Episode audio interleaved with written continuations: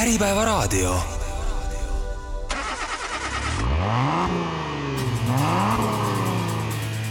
autojutud. autojutud toob teieni Beast Rent. rendi Tesla vähem kui viie minutiga seekordses autosaates ambitsioonist puudu ei tule, sellepärast et jutuks võetakse teema, mis ei ole päris igale autoentusiastilegi arusaadav ja tekitab võib-olla isegi eriarvamusi. nimelt äh, autode kergus ja autode suurus, miks on kergem auto mitmeski mõttes parem miks on auto tühimassi jälgimine oluline, kõigest sellest hakkamegi rääkima. mina olen nagu ikka saatejuht Karl-Eduard Salumäe ning minu seekordne vestluspartner on tehnikaportaali Accelerista peatoimetaja Veli Valentin Rajasaar, tere Veli! tervitus, aitäh, et kutsusid! no me oleme mõlemad selles mõttes ähm, head inimesed sel teemal rääkima, et me mõlemad oleme juhtumisi kergete autode äh, austajad sinul on isegi kaks kerget autot, need on veel ühtemoodi ka, kaks Toyota MR2, mis on mõlemad rajasõiduks äh, kohendatud. ma küsin kõigepealt, et mis nende autode kaalud eraldi võetuna on? Äh, nende autode mass on äh, nii, et punane on mul äh, võistlusmass üheksasada kümme kuni üheksasada viisteist kilogrammi ja must, mis on siis äh, täispuuriga ja Honda mootoriga, see on, äh, no see on niisugune üheksasada viiskümmend umbes mm. -hmm. Need on siis mõlemad kolmanda generatsiooni Toyota MR2-d, kellele see midagi ütleb, see oli siis see viimane ehm, Toyota MR2, mida toodeti, nii et siis kokku vähem kui kaks tonni, niisugune circa tuhat üheksasada kilo,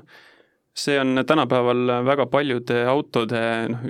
ühe auto yeah. tühimass, mis sulle esimesena seostub, kui sa ütled tuhat üheksasada kuni kaks tuhat kilo, mis umbes võiks olla üks auto, mis on selles tühimassis? Ah, need on mingisugused sellised äh, Saksa executive sedaanid enam-vähem juba, et selline diiselmootoriga ja just, sellised suuremad. ja noh, ja kui me sinna elektri juurde paneme, siis noh, me saame mu kolmanda auto sinna ka juurde liita, et veel üheksasada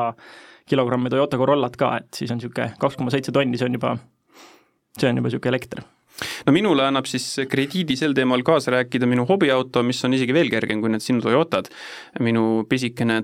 Peugeot sada kuus Rally peaks kaaluma circa kaheksasada kuuskümmend kilo. aga nagu ma viitasin ka, siis tõepoolest isegi paljud äh, inimesed, kes loevad ennast autohuvilisteks ja võib-olla isegi nagu autofännideks, ei mõista seda, kui nad loevad näiteks autoajakirjadest või näiteks tekstidest, mida ka meie kirjutame et, et äh, kui me siis nii-öelda jahume tühimassist ja sellest, et kuidas mingi auto on ikka liiga raske või mõni auto on nagu meeldivalt kerge,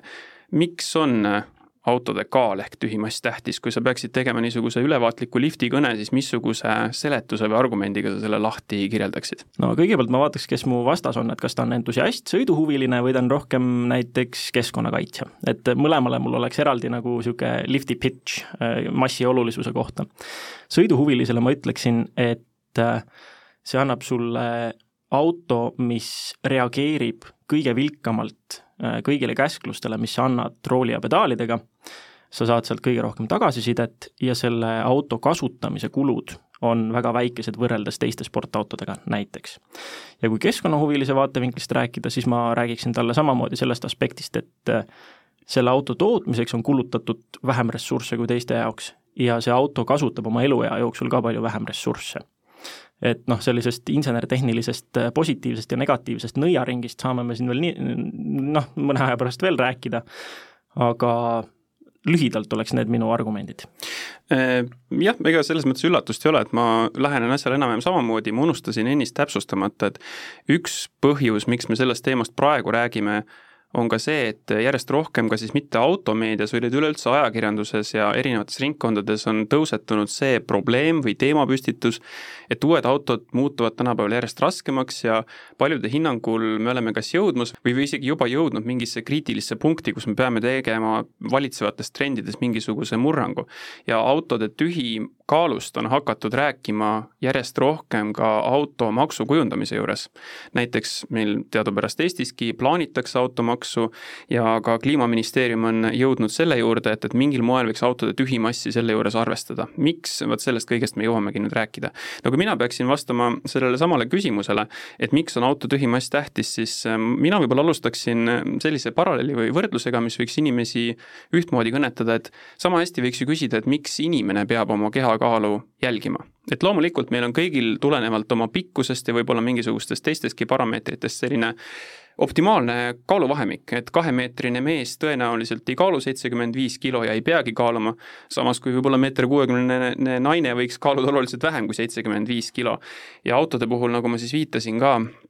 nemadki kannatavad tänapäeval Äh, oluliselt rohkem rasvumise kui mingisuguse haiglasliku alakaalulisuse või muu niisuguse käes. ja nagu sa ka viitasid, siis äh, väiksem mass parandab auto dünaamikat igas mõttes, ta teeb kõike paremaks, seesama auto samaväärsete kriteeriumite juures kiirendab paremini, pidurdab paremini, pöörab paremini ja nagu sa samuti välja tõid, siis ähm, kulutab kõige selle juures vähem ressursse, nagu näiteks rehvid, piduriklotsid ja järelikult on seetõttu ka keskkonnasõbralikum. inseneritehniliselt vaadates on mis tahe, mis tahes kergem lahendus äh, sellisel eeldusel, et muud omadused on seal kui mitte samaväärsed, siis vähemasti võrreldavad, et see on enam-vähem sama kallis toota, enam-vähem sama vastupidav, sellisel juhul on see kergem lahendus äh, inseneri pilguga vaadates elegantsem ja nutikam ja seetõttu ka parem ja mis äh, meid kui autoentusiaste ennekõike tegelikult huvitab, ongi siis just nimelt see, et, et mille sa välja tõid, et kerge auto oma niisuguse õhulise tundega juhitavuse mõttes on lihtsalt mõnus, teadlikum juht äh, väiksemat massi selgesti autoroolis tunneb, sest nagu me füüsikast teame, siis keha massist sõltub tema inerts ja vot just nimelt seda niisugust äh, väiksemat inertsi või vähemat inertsust, siis see väiksem kaal meile pakubki aga see on teisipidi võttes keerulisem viis öelda, et auto on lõbus sõita jah, põhimõtteliselt. et siin, äh, siin autotööstuse üks minu suuri lemmikuid, äh, Colin Chapman, tema ütles ju ka, et äh, kaks kuulsat sellist tsitaati temalt, et esimene on muidugi see, see kõige kuulsam, et lihtsusta ja lisa kergust just, lihtsustada lisakergust. Ja teine oli siis see, et äh, kui sa lisad jõudu, siis sa oled kiirem sirgetel, aga kui sa vähendad massi, siis sa oled kiirem igal pool. ja noh, ja ma olen siin lihtsalt huvi pärast kokku löönud, et äh, mis on näiteks minu, noh, punase MR2-ga mul on rohkem rajakogemust, praeguseks äh, neli hooaega vist, ma lihtsalt lõin kokku, et mis on kõik minu ühe rajahooaja kulud. Ja võrdlesin siis neid mõndade umbes sama kiirete sportautode omadega ma sain tulemuseks äh, hooajakuluks umbes kaks tuhat viissada eurot, aga seal sees on nii uued rehvid kui uued piduriklotsid, kui äh, nurga kaalumine, kui kõikide vedelike vahetus, täishooldus, kui kõik võistluste osalustasud, võistlused on hooajal mul viis-kuus, lisaks juurde veel, no mis seal veel on, nipet-näpet, äh, mitu äh, sillastendi, sest et hooaja peale tuleb, midagi läheb ikka paigast ära, on ju, nii et kõik see on seal sees, võib-olla veel väikse varugagi, ja siis ma võrdlesin ja sain aru, et noh, samas kiirusklassis on umbes sellised noh, oleneb juhist muidugi, aga Porsche, uued Porsche Boxsterid, isegi mõned üheksa üks ühed, ja nende rajapäev maksab siis umbes sellesama summa. et ja see on puhtalt sellepärast, et tegu on lihtsalt vähem võimsa ja kergema autoga, mis sööbki vähem selliseid kuluosi autoinseneride tunnustuseks tuleb öelda, et tegelikult nad oskavad tänapäeval päris hästi auto suurt kaalu nii-öelda ära peita, et vedrustuse, rehvitehnoloogia, kõik on arenenud nii palju, et, et tegelikult ka need niisugused võib-olla siis isegi veidi vananenud standardite järgi ränkrasked autod suudavad testidel väga hästi pidurdada, kurvi võtta, ringi ajada on väga head ja nii edasi, aga kui ma väidan, et ähm, just nimelt seda kerge auto õhulist tunnet, mida juht on võimeline tajuma, ja seda niisugust vähemat inertsust ei ole võimalik kuidagi niimoodi kunstlikult luua, nii nagu umbes tänapäeval ähm, siis kõlaritest mängitakse auto mootorimuusikat, mida tegelikult olemas ei ole, siis kas sa oled niisuguse väitega päri? jaa, absoluutselt, ma olen äh, nii kirjutanud kui välja öelnud äh, lihtsa lause, et äh, massi võib peita, inertsi mitte. ja see ongi see, et minu selline näidisauto selle kohta on Porsche Cayenne Turbo GT ma eeldan, et sa oled sellega ka ise sõitnud, aga noh, see on kaks koma kolm tonni kolossaalset suurt Porsche linnamaasturit, sellel on massiivne mootor, kui ma ei eksi, siis see oli V kaheksa topeltturboga. neljaliitrine, jah. jah, ja siis äh, see, sellel on sellised rehvid, et mul on need pildid kusagil, ma panin muidu artikli juurde ja ma olen unustanud, kas nad olid üle kolmesaja või oli niisugune kõrge kakssada, kas kaheksakümmend viis, kakssada üheksakümmend viis, midagi sellist. jõhker mehaaniline pidamine need pidurisadulad on nii suured, et see klots, mis sinna käib, selle ühest klotsist saaks äh, tervele MR, noh, terve MR2 piduriklotsi jooksu, on ju. ja sellel on nelikroolimine muidugi, sellel on see tark kohanduv vedrustus ja sellega ongi nii, et ma viisin äh, sellisele oma lemmikkurvilisele teele, võtsin kaasa mitu sõidumeest, tegin neile tiiru ühtpidi, tegin tiiru teistpidi ja kõigi tagasiside oli, et issand, ma oleks arvanud, et see auto on niisugune viissada kilogrammi kergem, vähemasti. ja ka mina olin üllatunud, kuidas see kurvides haagib ja, ja kuidas ta hoiab ja see ongi see, et sul on kõik need targad lahendused, aga kus seda peita ei õnnestunud, kuna minu proovisõit oli sellisel ajal, et kui piisavalt hästi otsida, leidis, leidis ka libedaid platse ja jääd, siis kohe, kui ma läksin selle majaga jää peale oli nii, et äh, ütleme, seal tekibki see, et kui sa selle auto libisema lased, siis see on see koht, kus sa seda inertsi selles mõttes ei peida, et äh, see aken, see ajaaken, kui pika aja vältel ei tee ei pedaalid ega rool mitte midagi, on äh, meeletult palju pikem kui kerge autoga. et sul ongi see, et sa lased ta libisema, sa lased ta üle selle rehvide piirikorra ja selleks, et ta sealt tagasi tuleks, läheb nii kuradi palju aega. Ja samas kerge autoga on see, et okei okay,, sa saad aru, et nii, nüüd mul natuke aega ei ole midagi teha, võtad jala gaasilt ja korra mängid rooliga juba tunned, ahah, okei okay,, pidamine tagasi, nii. aga selle autoga lihtsalt, kui sa üle selle piiri lähed, sa lihtsalt, see ongi kontrollimatu, juhitamatu mürsk väga pikalt. Porsche Cayenne Turbo GT on siis maasturite lõikes ka Nürburgringi rekordi hoidja ja nii edasi. Ehm, jah, libedaga need äh, massiefektid kahtlemata võimenduvad, mul endal on võib-olla üks kogemus jaanuarikuust Mercedes-Benz EQS SUV-ga, see on siis kõige suurem Mersu elektrimaastur, tühimast circa kaks koma kaheksa tonni. Ja täpselt sama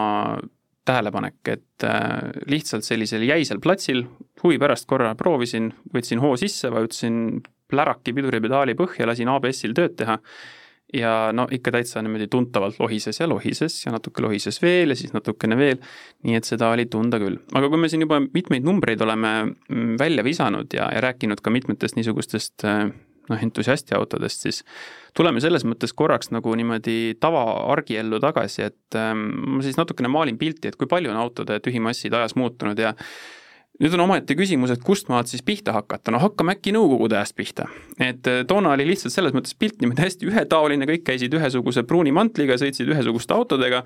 ja võib-olla see selline noh, töörahva niisugune lagi oli enam seal Vass äh, kakskümmend üks null viie ehk siis Lada null viie juures ja selle tühimass oli veidi üle tonni. kui sa olid tubli parteilane või muu, muidu niisugune tubli kommunist, siis sa võisid sõita ka näiteks Kass kahekümne nelja ehk Volgaga tollases mõistes igati suur auto ja tegelikult, kui tänapäevalgi näed aeg-ajalt kuskil uunikumide kogunemisel sõitmas, siis ega ta nüüd pisike auto ei ole, vot see kaalus circa niisugune tuhat nelisada ja natukene peale kilo. Eh, praegu on Eesti müüduim uus auto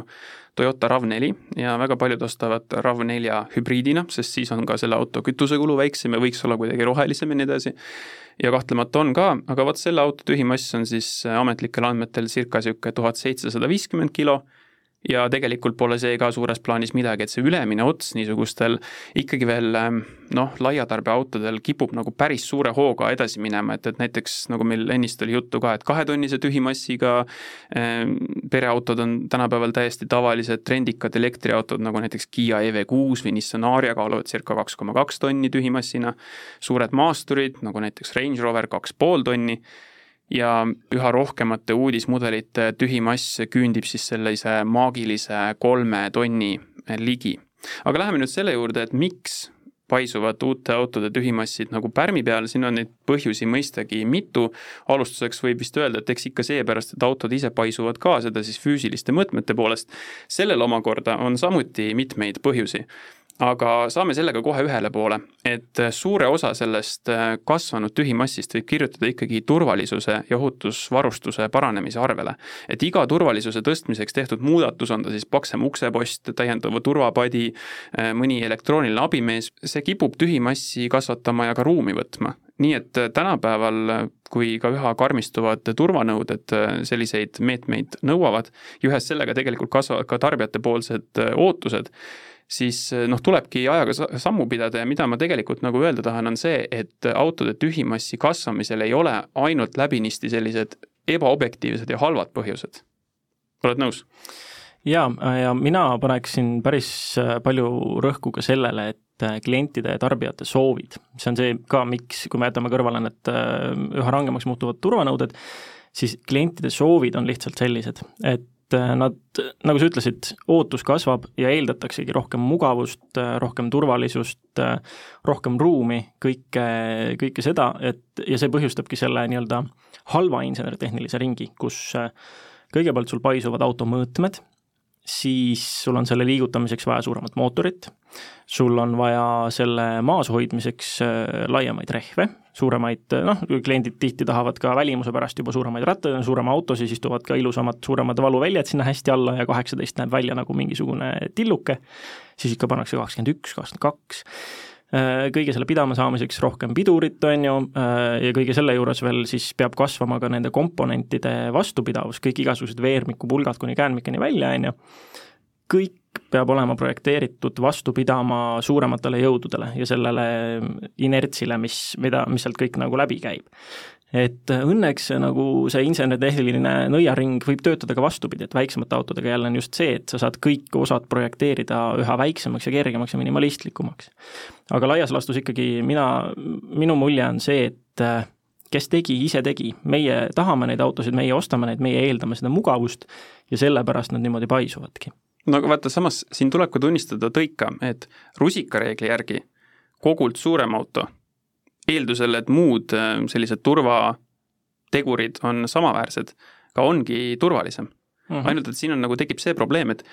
see on ju tegelikult selline jätkusuutmatu võidurelvastumine. see on umbes nagu näiteks maasturite puhul ka, et, et inimesed ostavad endale maasturi sellepärast, et seal on kõrgem isteasend, ta näeb teistest autodest paremini üle või mööda ja näeb paremini liiklust samas kui kõik on endale maasturid ostnud, siis on võimalus osta endale veel kõrgem maastur. aga noh, see pole ka nagu jätkusuutlik, eks. jah, mulle tuleb äh, silma ette üks pilt äh,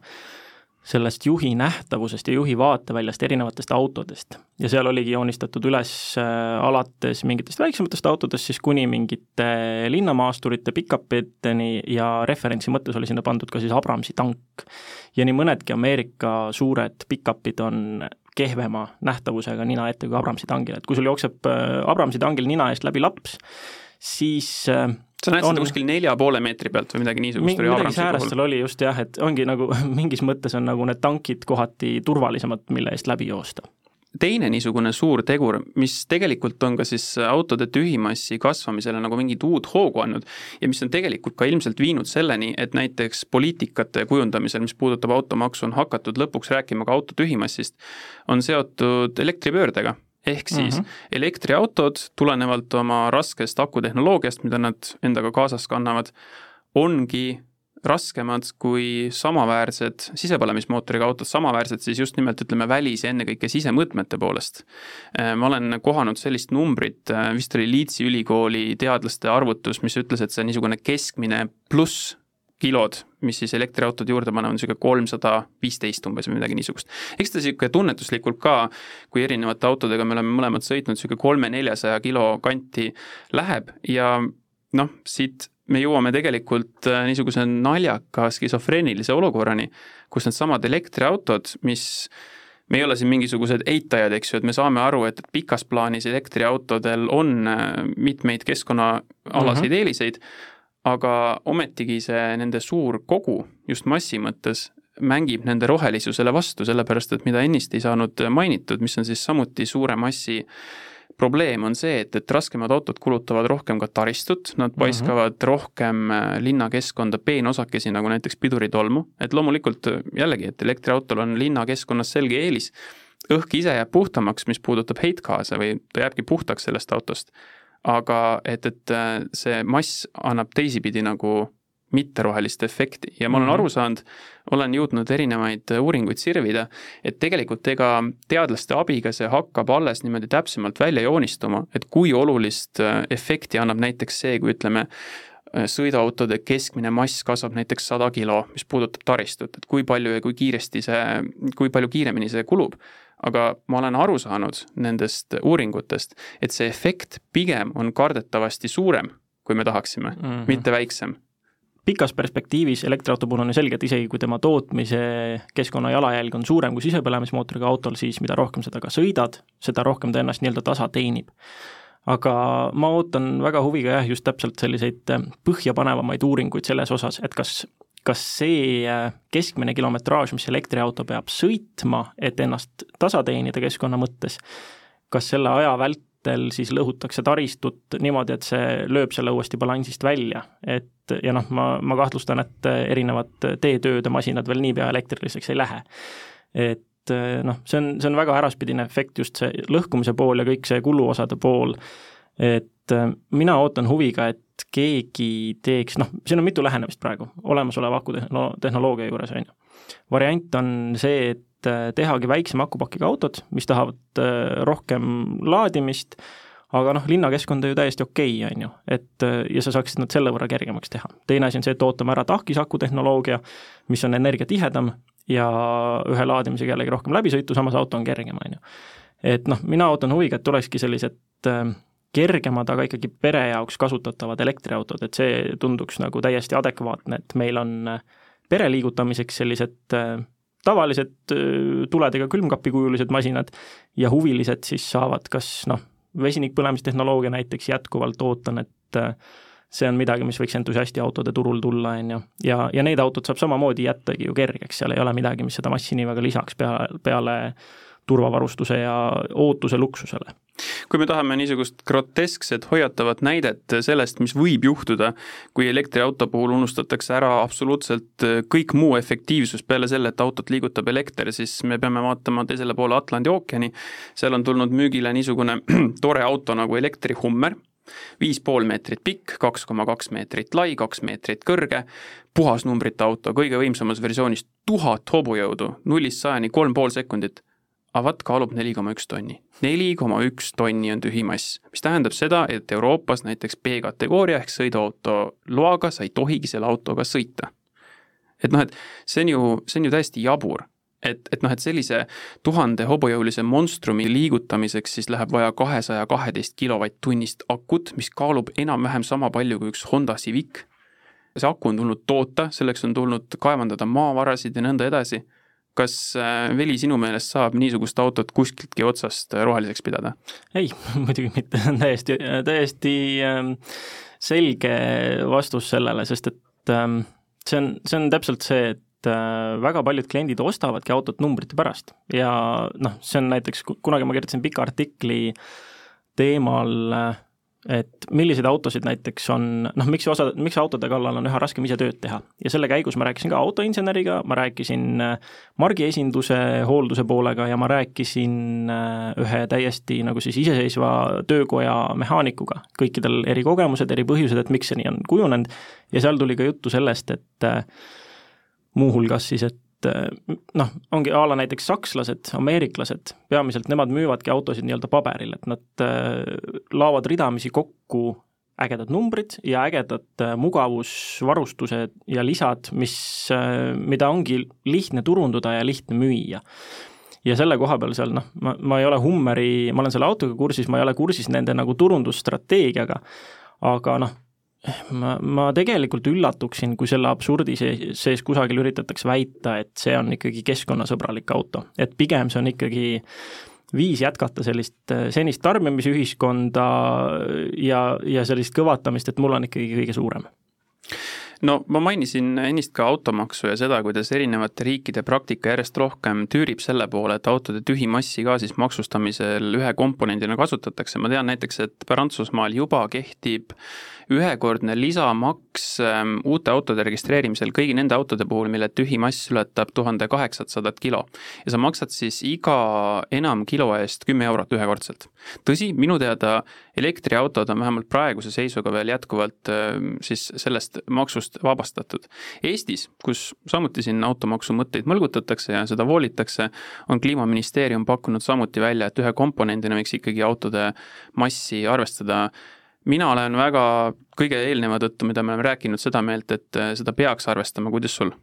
absoluutselt, meil, äh, ma teen ka oma podcast'i, meil käis külas üks riigikogulane enne seda automaksu, äh, ütleme noh, mingisugune niisugune peaaegu pool aastat tagasi äkki või, kui see oli alles nagu täiesti uus teema. ja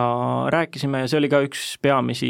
minu nii-öelda palveid, et palun, kui sul on võimalik midagi ära teha selleks, et vähemasti sedagi arvesse võetakse, et see oleks väga nagu tagurlik ja väga äh, väga silmakirjalik, kui äh, automassi ei võetaks kuidagiviisi arvesse, sest et äh, noh, siis ei usu teid keegi, et see on mingisuguse keskkonnaeesmärgi nimel.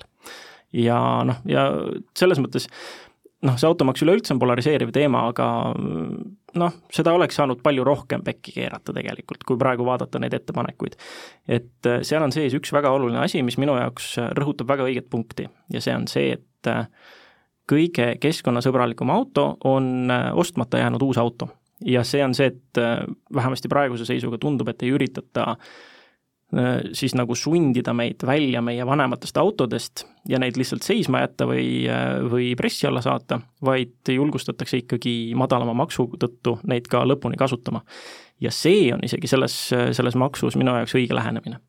jah, no minu argument siin taga on see, et, et seda on ka meie rahandusminister Mart Võrklaev öelnud,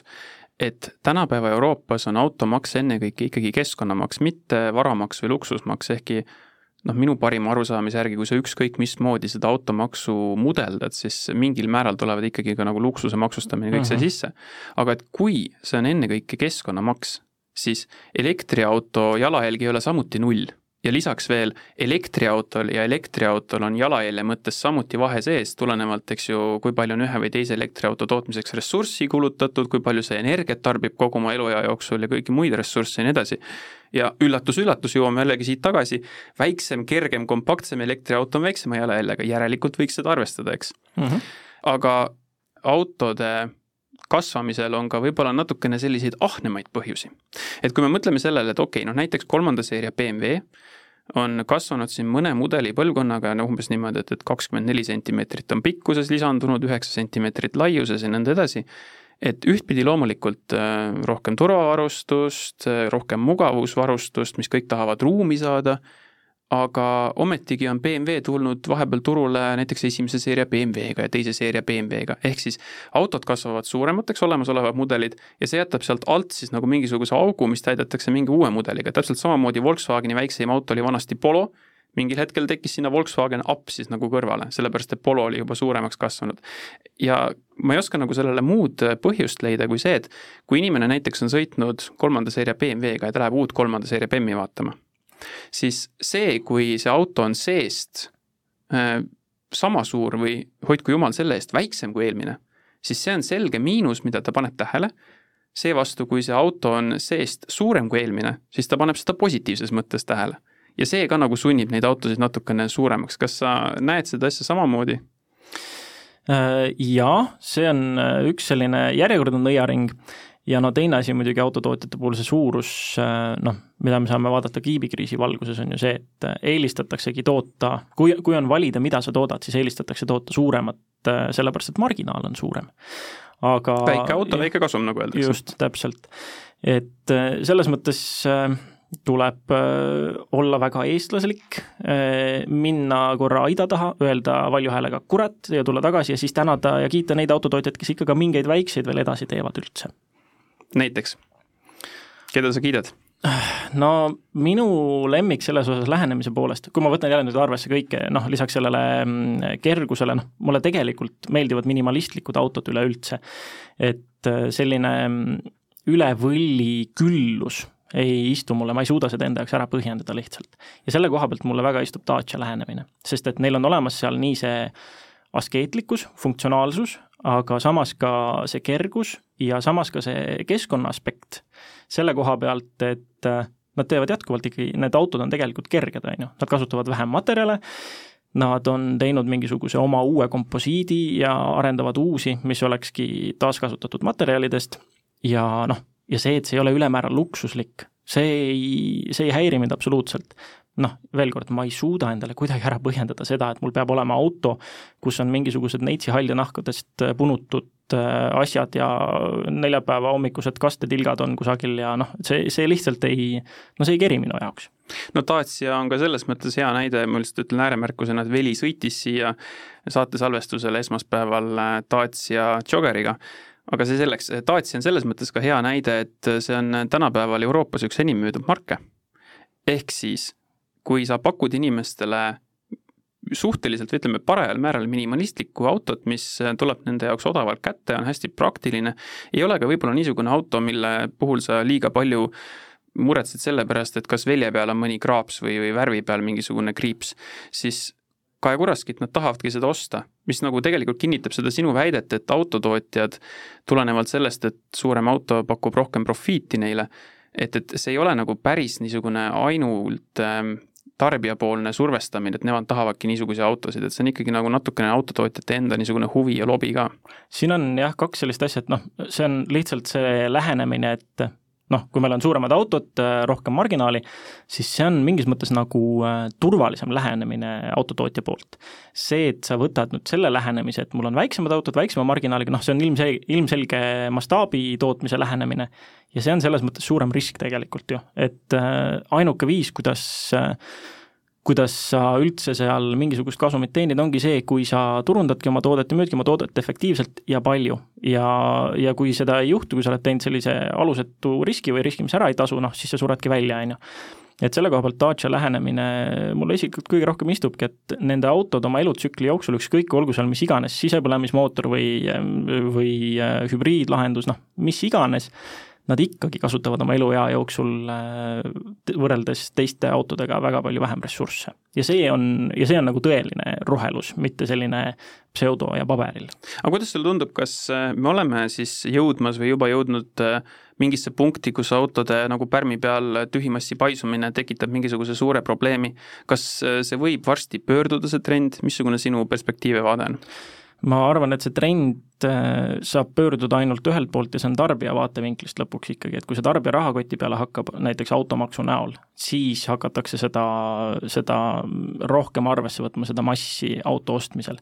praegu on veel kõik nagu kena ja lilleline, et äh, autod tarbija vaatevinklist lähevad üha mugavamaks, jah, nad lähevad küll ka kallimaks, on ju, aga nad ikkagi pakuvad üha rohkem ja rohkem, sul on seal üha mõnusam koht, kus olla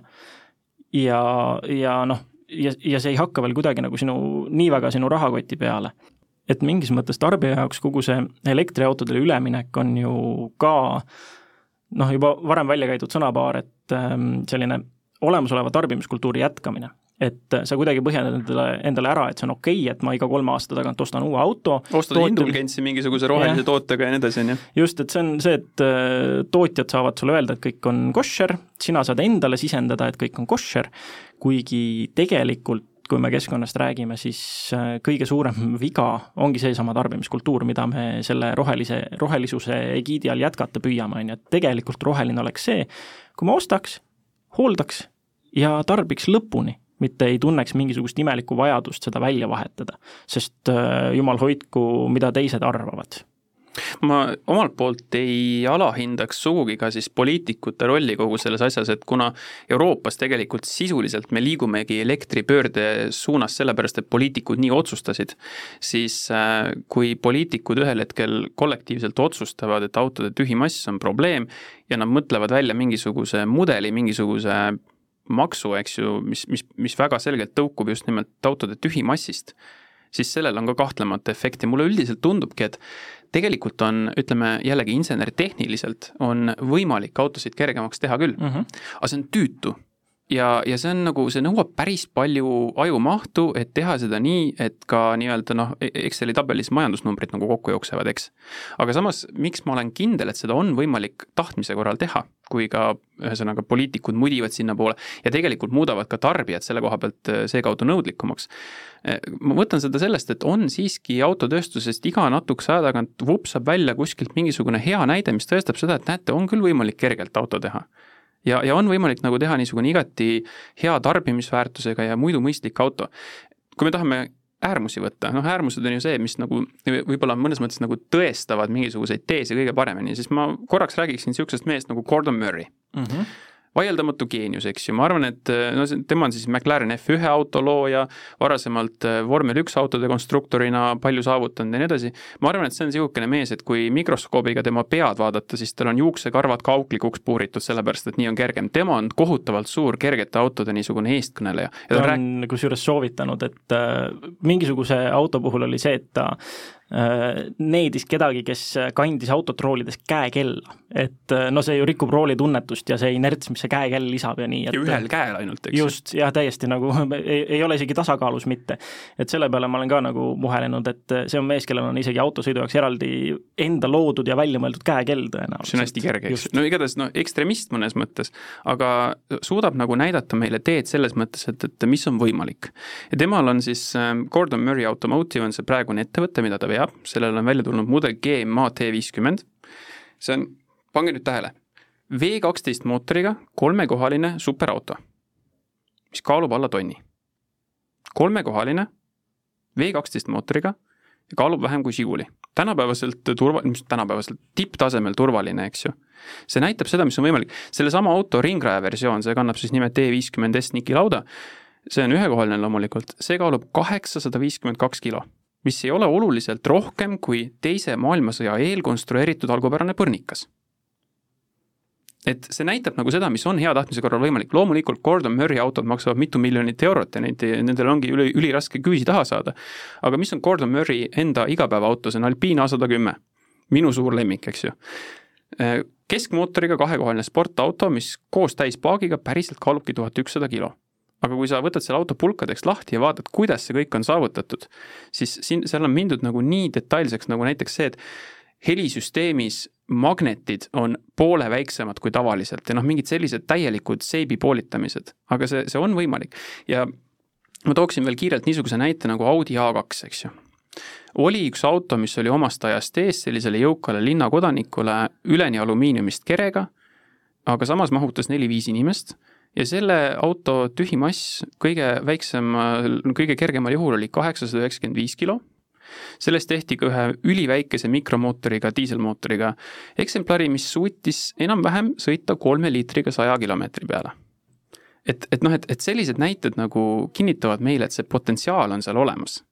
lihtsalt tarbija ei pööra sellele veel tähelepanu, ta ei suru, ta ei suru takka ja seetõttu me liigume nii enda kehakaalu mõttes kui autotööstuse mõttes rasvumise kursil. ja just, ja see on see, nagu ennegi öeldud, turvaline lähenemine tootja poolelt, et sellist kerget ja minimalistlikku autot tootes sa võtad ikkagi selle riski ja sa pead suutma selle kuidagi tarbijatele maha müüa, aga palju turvalisem on müüa seda, mis on äh, mugav, suur, noh, mis iganes, juba nagu räägitud. Gordon Murray teemal veel, kuna ma lihtsalt enne käisin äh, välja nime Colin Chapman, siis Gordon Murray on mu vaieldamatu teine lemmik autotööstusest. et äh, see on nüüd võib-olla väike niisugune kõrvalepõige detailidesse, aga näiteks McLaren F1 on ju, igatepidi äh, oma tootmises kompromissitu auto, seal oli nii, et isegi äh, see pedaalide disain, seda, neid revisjoone nende pedaal, pedaalide disaini puhul oli väga palju, kuni saada õige tugevusega ja võimalikult kerge disain ja kui Gordon Murray hakkas D50 looma, siis ta alguses tahtis võtta F1 pedaali disaini, sest et me optimeerisime seda nii palju, et see on nii ideaalne ja keegi tema meeskonna inseneridest ütles, et oot, ma arvan, ma saan seda veel paremaks teha. ja noh, ja aeg oligi nii palju edasi läinud, et ta sai sealt mingi, mis oli mingi nelikümmend protsenti veel mingisugust massisäästu, on ju et noh, see on ikkagi nagu väga kompromissitu lähenemine, ilmselgelt ei ole see optimaalne selliste mastaabiautode puhul. aga noh, samas on see teine Murray lähenemine, et kui sa tuled mu juurde disainiga, mis kasutab suuremat kui M6 Bolti, siis ma tahan näha arvutusi, et päriselt ka nii suurt Bolti vaja on. et noh, see on, see on sellist kompromissitust paraku vahepeal tundub, et ikkagi on vaja, sest tegelikult noh, see räägib meile sellest, kui palju põhjendamatult äh, sellist äh, üleüldist lahmimist ja lajatamist on, et teeme siia sellise lahenduse, töötab küll, aga keegi ei mõtle seda läbi, et kas äh, konkreetsel, konkreetse toote puhul on see tegelikult kõige mõistlikum. meil aeg lipub kiiresti, aga ma tahan siin saate viimases osas rääkida väikestest autodest, sest nii nagu jällegi ka kehakaalu puhul, kui tahad kaalu alandada, siis vähenda koguseid, siis auto puhul kehtib see täpselt samamoodi, jällegi eks niisugune rusikareegel, millel on kindlasti ka erandeid ja kõik sõltub muudest teguritest ja nii edasi, aga kui on väiksem auto, siis üldiselt see ka kaalub vähem. Ja kuidas sulle nüüd, Veli, tundub, mina olen kirjutanud Äripäevas mõned ajad tagasi ühe niisuguse särtsaka kolumni, kus ma kohe niimoodi etteruttavalt tunnistan, et ma natukene nagu irriteerisingi inimesi aga selle jutu mõte oli see, et, et ehkki loomulikult väga paljudel inimestel ongi päriselt vaja suure autoga sõita põhjusel teisel või kolmandal, siis just nimelt selliste väiksemate autode suhtes on siinmail jätkuvalt rohkem kui näiteks Lääne-Euroopas, Lõuna-Euroopas sellist umbusku ja isegi niisugust ülbust ja üleolevust väiksemate autode suhtes. ja noh, kuni sinnamaani välja, et, et kui me siin saate alguses rääkisime sellest, et kergusel on ka sõiduomadustele väga niisugune positiivne efekt, siis kui sa proovid rääkida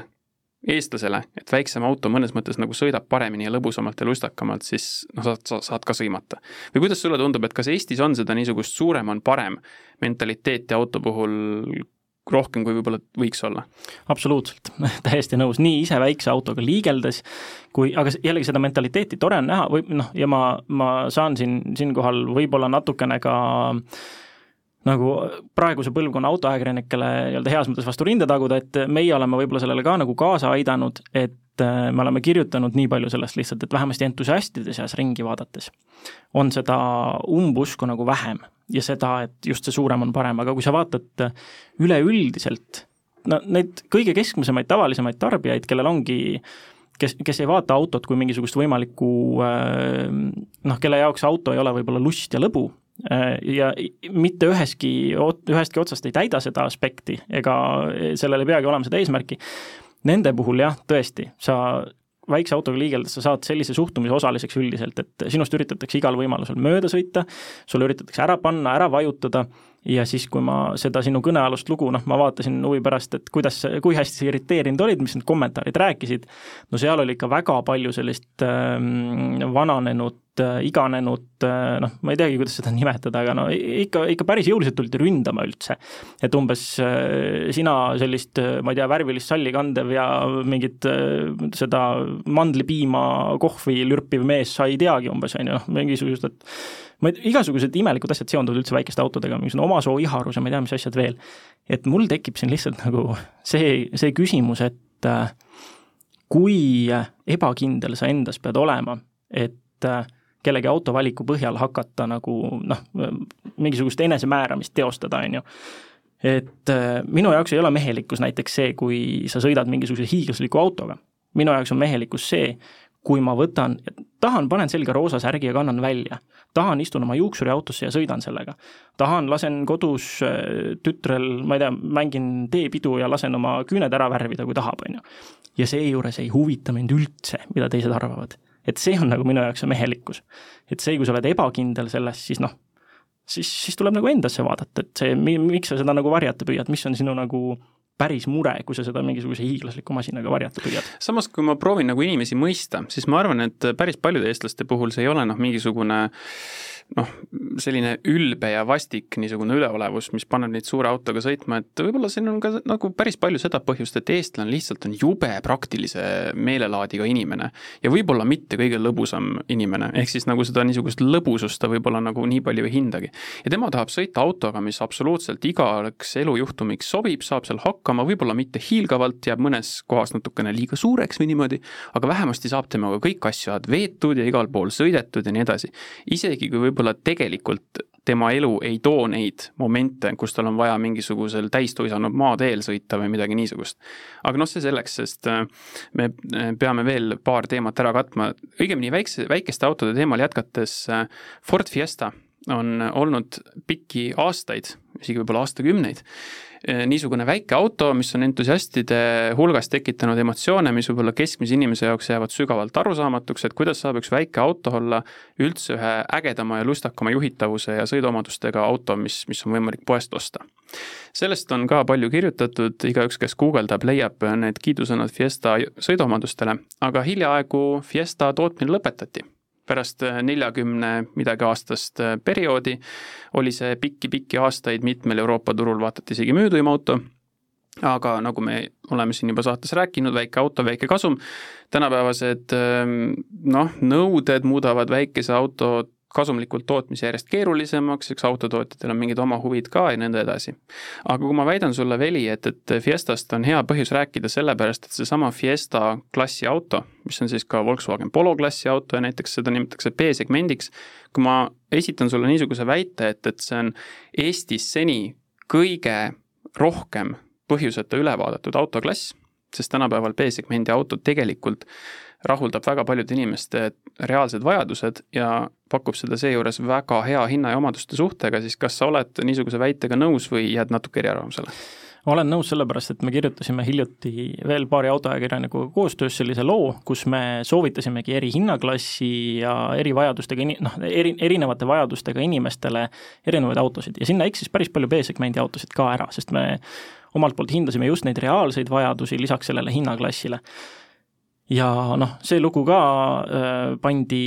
Delfi avalehele, mis tähendab, et see genereeris, ja see oli vist reede-õhtune aeg ka, mis tähendab, et see genereeris väga palju huvitavaid arvamusi sinna kommentaaridesse ja pulli pärast läksin ka, lugesin läbi, ja no seal kumas kõik seesama jälle läbi, et mis asja, mis, mingisuguseid selliseid autosid soovitatud või need, need ei ole ju pereautod, nendega noh, ei saa noh, mis iganes, on ju, vedada kolmetonnist haagist, nendega ei saa noh, kolida, nendega ei saa noh, teha mingisuguseid selliseid mis iganes asju. ja just täpselt selle reaktsiooni põhjal seal kommentaariumis ähm, noh, samas nad on muidugi valjuhäälsed äh, inimesed. ja vähemus ikkagi. jah, et mis, ma ei tea, mis autosid nemad endale nagu päriselt ostavad või kas nad on üldse mingit uut autot endale lähiajal ostmas, aga noh, selle põhjal võiks küll nagu järeldada, et ikkagi see eelarvamus väiksemate autode osas on väga, väga tugev, kuigi tegelikult ei ole põhjust, et neid B-segmendi autosid on väga mitmeid toredaid, mis kui ma mõtlengi, noh, mis on meil levinum peremudel, on ju näiteks äh, ema, isa ja kaks last, ma arvan, on niisugune hea keskmine. Need vajadused katab väga lihtsalt ära selline väike B-segmendi auto. ja kui lapsed suuremaks saavad, noh jah, siis on juba teine teema, on ju. aga, aga seni, kuni sa oledki selline kolmekümne, neljakümne kuni viiekümne aastane ema-isa ja nende lapsed niisugune kuni vanuseni mingisugune viisteist täiesti okei okay., enamus, noh, üheksakümmend üheksa protsenti juhtudest täiesti okei okay.. ja olgu see siis niimoodi selgelt üle korratud, et need on siis sellised autod, mis ka tänapäeval pakuvad seda niinimetatud kerge auto tunnet. no vaat, et kustkohast see kaduma läheb, see on niisugune vaieldav ja pikem teema, ma ise ütleks, et see piir on seal, seal kuskil tuhande kolmesaja viiekümne, tuhande neljasaja kilo juures, aga selle peal me ei jõua enam peatuda. ma tahtsin siia saate lõppu äh, andsin sulle ka koduseks ülesandeks välja mõelda üks B-segmendi auto, mis nüüd, kui Fiestat enam ei toodeta, sulle põhjusel või teisel nagu väga meeldib ja mida sa tegelikult ka teistele inimestele soovitad, millal sa lõpuks välja mõtlesid? noh, kaalukausilt käisid läbi mitmed autod, loomulikult Hyundai kakskümmend mm, -hmm. loomulikult Toyota Yaris, igasuguseid veel, aga mulle tundub, et täiesti teenimatult on, saab väga vähe kõlapinda Honda Jazz et ja Lopnik pani selle kohta väga hea pealkirja kunagi, kuna džässiga sõidavad paljud eakamad naised, siis kui tuli uus välja, siis pealkiri oli, et hoidke nüüd oma emasid kinni, uus Honda Jazz on siin. Et Honda Jazziga on see, et äh, ma sõitsin äh, küll mõned aastad tagasi juba, siis kui tuli see hübriidversioon, ja ma olin ülipositiivselt üllatunud selles, et esiteks see ruumikus, mahutavus, mis seal, seal igasugused toredad praktilised lahendused, ja teiseks ikkagi see, kuidas ta sõitis kui konkreetselt saab sõita selline väike, mitte midagi ütlev, jällegi noh, ta, ta on kujult tõesti nagu tuledega külmkapp, on ju, kuidas ta saab nii lõbusalt sõita, et juba selle esimese põlvkonna Honda Jazzi äh, torsioonjäikuse kohta on autoentusiastide seas äh, no see on meem, see on juba nali, et äh, üks jäigemaid autosid, mida üldse on nagu pakutud kere disaini mõttes. et äh, see on suurepärane võidusõiduauto platvorm ja noh, ja seda, seda konkreetsust ja, ja, ja noh, ja see ei ole nagu vastik jäikus, see ei ole nagu vedrustuses ja põrutav jäikus, vaid see on just, just täpselt see kerest saadav tagasiside ja see jäikus, see üllatas mind ülipositiivselt ja samas sa võisid elada tal gaasi otsas täiesti äh, absurdselt kogu aeg pedaal põhjas põhimõtteliselt ja no mina nädalavahetusega ei suutnud paaki tühjaks sõita ja mina ei saanud üle viie liitrise ajale selleks kuluks. et see on minu valik. minu valik läks äh, suhteliselt samasse auku, see on ka jaapanlane, see on ka päriselus hästi-hästi ökonoomne hübriid. Äh, ma mainin ära selle, et i kakskümmend oli ka minu üks kaalukausi valikuid, sellepärast et i kakskümmend on ka selline auto, et kui mina oma saja kaheksakümne üheksa sentimeetri järgi panen istme enda järgi paika ja mulle meeldib sõita niimoodi, et istme seljatugi on püstisem, aga istme põhi, nagu siis põhi selle võrra kaugemale, et ma mhm. sõidan natuke sirgemate jalgadega, siis paljudes B-segmendi autodes minu taha ikkagi nagu hästi ei mahu, aga i20-s mahub. aga mu valik äh, langes lõpuks ikkagi äh, Toyota Yarise peale. saab praegusel ajal ainult hübriidversioonis, see tähendab siis muuhulgas variaatorkasti ja nii edasi. ma olen ise ka ausalt öeldes natukene üllatunud, et ma lõpuks ikkagi nagu Yarise juurde jõudsin, sest ütleme ausalt, Yarise sõiduomadused nagu sportlikus mõttes ei ole nagu teab mis kui me ei räägi GR-Yarisest, aga see on täiesti eraldi teema. aga mis mulle nagu selle Yarise puhul meeldib, et kui ma päriselt nagu hakkaksin kaaluma B-segmendi autot endale ja ma vaatan ka sellist asja nagu järelturu väärtus, ülalpidamiskulud, siis selle koha pealt on Yaris ikkagi väga-väga hea ja linnaoludes, jah, loomulikult maanteel ja eriti kiirteel see variaator kipub undama, aga linnaoludes, kuna sellel on ka vabalt hingav mootor, siis tema reaktsioon gaasipedaalile on väga niisugune lineaarne ja sujuv ja igatpidi see on hästi sujuv auto. kuni sinnamaani välja, et mulle meeldib isegi see mingisugune ökonoomsusskoor, mida see Yaris mulle näitab, et tundub niisugune lollakas asi, eks ju, aga naljakal kombel tekitab teatavat hasarti nagu ja mida järgmine kord paremini saaks, on ju. just, ja, ja et, et kui ma teen nii, mis siis nagu selle skooriga juhtub ja nii edasi. nii et minu valik on see, aga häid autosid on selles segmendis äh, kahtlemata veel ja neid tasub täiesti valida ja kaaluda ja nõnda edasi. selline saigi seekordne autojuttude saade, mina olen saatejuht Karl-Eduard Salumäe, külas oli Veli Valentin Rajasaar, aitäh kuulamast ja järgmise korrani!